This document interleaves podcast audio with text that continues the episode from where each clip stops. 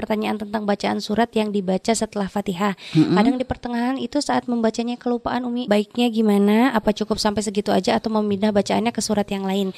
Karena kami pernah mendapati imam sholat yang jika ada lupa ketika membaca surat setelah pertengahan itu kemudian pindah surat dan bagaimanakah jika membaca surat seperti Al-Ikhlas yang diulang-ulang apakah boleh membaca bismillahnya hanya sekali? Mohon penjelasannya. Baik ya.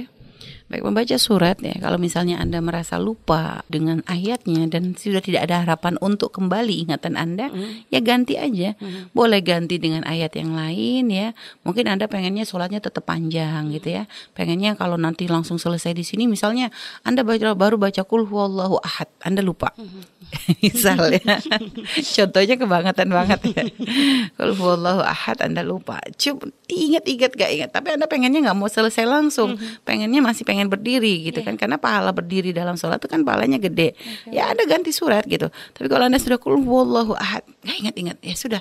Adalah selesai. Nggak apa-apa. Satu ayat juga sah kok gitu. Karena nggak wajib harus satu surat kok gitu. Jadi nggak wajib satu surat. Yang penting membaca surat ya. Surat itu artinya membaca membaca ayat Al-Quran itu artinya nggak mesti harus satu surat gitu. Artinya ada surat yang dibaca walaupun tidak sampai satu surat itu sudah dianggap dapat pahala sunnahnya. Mm-hmm. nah, tapi kalau anda merasa aduh kependekan baru satu ayat kok udah selesai kok udah lupa mm-hmm. gitu kan ganti dengan ayat yang lain ternyata baca ayat lain lupa lagi mm-hmm. berarti bukan lupa anda belum hafal sama misalnya baca kalau minas lupa lagi dan diganti al-falak lupa lagi berarti nggak hafal banget ini mm. jadi gitu ya. Jadi caranya memang kalau mau lanjut boleh, kalau mau berhenti di situ juga boleh. Iya. Jadi kalau masalah surat nggak usah pusing ya. Terus kalau nanti baca kul wallahu ahad diulang-ulang misalnya kul wallahu ahad Allah samad lam lam yulad lam yakul kufuwan ahad. Kalau memang ini bagusnya baca bismillah lagi karena memang itu kan satu surat gitu ya. Kalau nanti dibaca kul wallahu nggak pakai bismillah ya kurang kurang ini ya, kurang afdol juga. Dan apa sih susahnya baca bismillah gitu ya?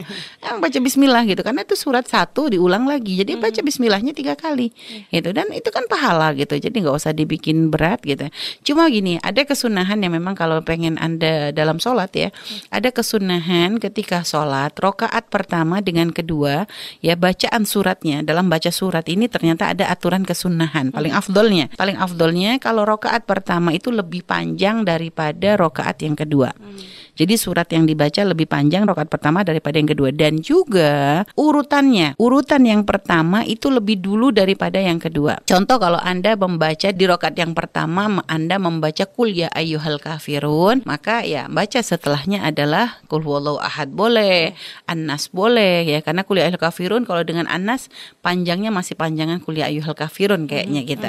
Jadi gitu. Jadi panjangnya lebih panjang dan urutannya lebih dulu. Yeah. Karena kuliah dengan kul huwallahu itu lebih dulu. Mm -hmm. So kalau misalnya gini, kalau Anda baca kuliah di rokat pertama, mm -hmm.